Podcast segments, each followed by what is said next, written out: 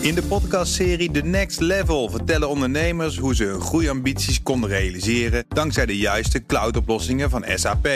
Wat waren de uitdagingen, de oplossingen en hoe ging de uiteindelijke implementatie? Benieuwd naar hun verhalen en hoe zij met behulp van SAP ook hun toekomstige ambities kunnen behalen? Luister de podcast The Next Level via de BNR-app of je favoriete podcast-app.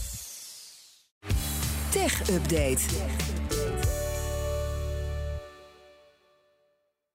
Veel meer content eh, van Joe van content. Het houdt niet op, niet vanzelf. Eh, Joe, eh, de autoriteit persoonsgegevens roept ons kabinet op om nu toch eindelijk persoonsinformatie in openbare registers af te schermen. Ja, dan kunnen we een beetje zeggen, hè, hè, het is niet de eerste keer dat de AP daartoe opriep. Dat gebeurde namelijk vorig jaar al.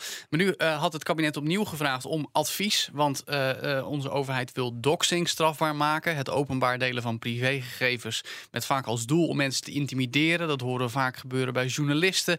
En dan gaat het vaak ook om ZZP'ers die gewoon terug te vinden zijn in de registers van de KVK. Nou, nu heeft AP dus benadrukt dat de ei- overheid daarbij ook hand in eigen boezem moet steken, de wetgeving moet aanpassen om te voorkomen dat dat soort persoonsinfo uit de registers kunnen worden misbruikt. Nu hopen dat ze het wel een keertje overnemen en dat er daadwerkelijk wat gaat veranderen. Want sinds 1 januari kun je wel je werkadres als ZZP'er afschermen. Ja. Maar als je werkadres ook je privéadres is, heb je daar helemaal niks aan. Heb je er heel veel last van. Dan op eh, groot verzoek van Iwan eh, nieuws over NFT's. Oh jee. En natuurlijk, op de grootste marktplaats voor NFT's worden per ongeluk soms veel te lage prijzen gerekend. Ja, nou, grijp je kans, Nou, zou je kunnen zeggen. nou, dan gaat het om OpenSea. Daar kun je dus deze non-fungible tokens kopen. Dat eigendom over digitale zaken bemachtigen. Vooral voor afbeeldingen uit collecties. Zoals we hebben het vaker genoemd. De Board Ape Yacht Club. Nou, normaal gaat zo'n plaatje van zo'n aap eh, voor 200.000 dollar. Maar nu is er een ervan bijvoorbeeld verkocht voor nog geen 2000 dollar. 0,77 Ethereum. Vervolgens is hij wel weer voor de marktprijs gelijk verkocht. Het gaat om een bug die eigenlijk al weken bekend is, maar gisteren acht keer is misbruikt. En de schade, tussen aanhalingstekens, ligt op 1 miljoen dollar.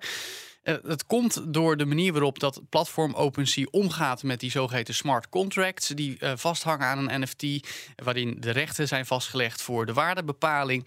En ja, die kan dan ook van een eerdere situatie op de blockchain eh, afkomstig zijn. Ja, een beetje typische kinderziekte van deze nog jonge technologie. Maar ik zeg ook een beetje je eigen verantwoordelijkheid als je er zelf Ja. voor kiest om daar tonnen aan geld in te En wie betaalt die schade dan? Niemand. Op, OpenSea. Dat, dat, dat- Nee, ja. Dat, ja, pech. ja, precies. Gemiste, gemiste inkomsten. Ja, ergens. tuurlijk. Nou ja, natuurlijk hopen mensen gecompenseerd te worden. Ze zeggen ook, ja, ik wil wel, wel betalen om Uh-huh. dit te verhelpen. Hmm. Eh, maar dit is ook weer een gevalletje. eh, het is er nog maar Ja. tekort. Hoe kan je zo'n eh, koopje vinden? Want ik zit even ben te kijken op OpenSea. Ja, Ja. ik zit te. Ik heb wil niet iets gevonden wat ik heel doe het niet, jongens, doe het niet. 2000 dollar, het is best wel geld, maar als je daarna Ja. twee ton voor terugkrijgt, nou ja, de beste investering en het gaat natuurlijk om dat zeshoekige plaatje op Twitter dat je dan kan Joe, claimen. help even, hoe vind ik die? Nee, ik ga me doen. ook niet niet uit hoe, hoe dat plaatje eruit ziet daar zo'n nee. winstmodel op hebt. Oké, goed. Dus. Eh, even wat anders. Facebook moederbedrijf Meta heeft een eh, AI supercomputer onthuld. OMG. Ja, de waarheid van Skynet uit de Terminator zou maar werkelijkheid worden, zou je zeggen. Nou goed, eh, een van de snelste AI-supercomputers ter wereld, de snelste zelfs, gebruikt een van de krachtigste processoren van Nvidia. 6000 stuks, dat wordt uitgebreid tot 16.000 stuks. En dat geheel heet dan het AI Research Supercluster, die 16 terabyte per seconde kan verwerken. En wat moet Meta daarmee? Nou, dat vroegen we even aan Remy Gieling van AI.nl. De algoritmes van de Amerikaanse techgiganten worden steeds slimmer en complexer. Vroeger keek men vooral naar cijfers en tekst. Tegenwoordig komt er veel meer video, audio en afbeeldingen bij. Bijvoorbeeld voor de zelfrijdende auto of gezichtsherkenning. Hoe meer data, hoe meer rekenkracht je nodig hebt. Dus om in de toekomst concurrerend te blijven tegen Google of Amazon, investeert Facebook nu proactief in zo'n ontzettend groot datacenter. Nou, hoeveel ze investeren weten we niet precies. Maar Remy meldde ter referentie wel dat hoofd-AI-onderzoeker bij Meta heeft aangegeven dat één experiment al een miljoen dollar aan rekenkracht Wow. Dus eh, ja, en dat wordt natuurlijk allemaal betaald met onze data. Ja, precies. Eh, dan de geruchten over Tesla's spraakmakende Cybertruck. Ja, die blijken waar, hè? Ja, want Ik zag al de fotootjes. het moet gezegd, hij heeft een joekel van een ruitenwisser.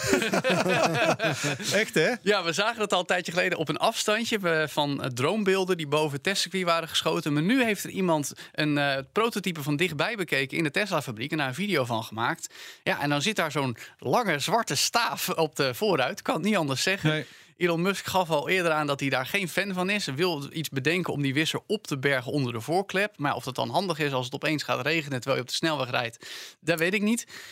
Ook opvallend, hij heeft geen deurgrepen en de Nee. neus lijkt iets korter. Dus er wordt duidelijk aan dat model gewerkt.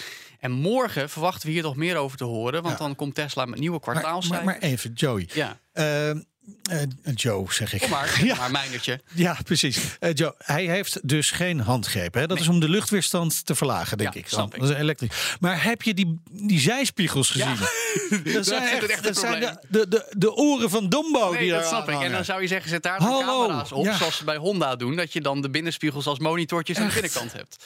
Nou ja, Dus eh, ik ben op het moment overigens enthousiaster over de pick-up truck van Rivian. en Eh, volkomen terecht. Precies, die R1T, die is er tenminste al. Hoeveel weten we niet. ziet er ook gewoon goed uit. Precies. Maar goed, Ja. ik ben wel benieuwd of Tesla Cybertruck... Alleen die wordt niet geproduceerd haast. Nou ja. eh, Welk nummer ga je krijgen als je hem hebt zit er nu op iets meer dan duizend. Oh, Eh, toch wel wel. Maar goed, bij Tesla Cybertruck zijn er dus nog geen één. Die zou er al moeten zijn. Zou dit jaar, wordt het ook niet. Maar hopelijk gaan we dus morgen toch echt horen van Tesla wanneer die komt. Want het is natuurlijk wel uitermate interessant voor de elektrische Ja, dankjewel. Joe van Buurik. De BNR Tech Update wordt mede mogelijk gemaakt door Lenklen. Lenklen. Betrokken expertise, gedreven resultaat.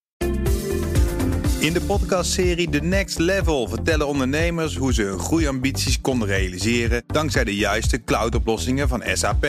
Wat waren de uitdagingen, de oplossingen en hoe ging de uiteindelijke implementatie? Benieuwd naar hun verhalen en hoe zij met behulp van SAP ook hun toekomstige ambities kunnen behalen? Luister de podcast The Next Level via de BNR-app of je favoriete podcast-app.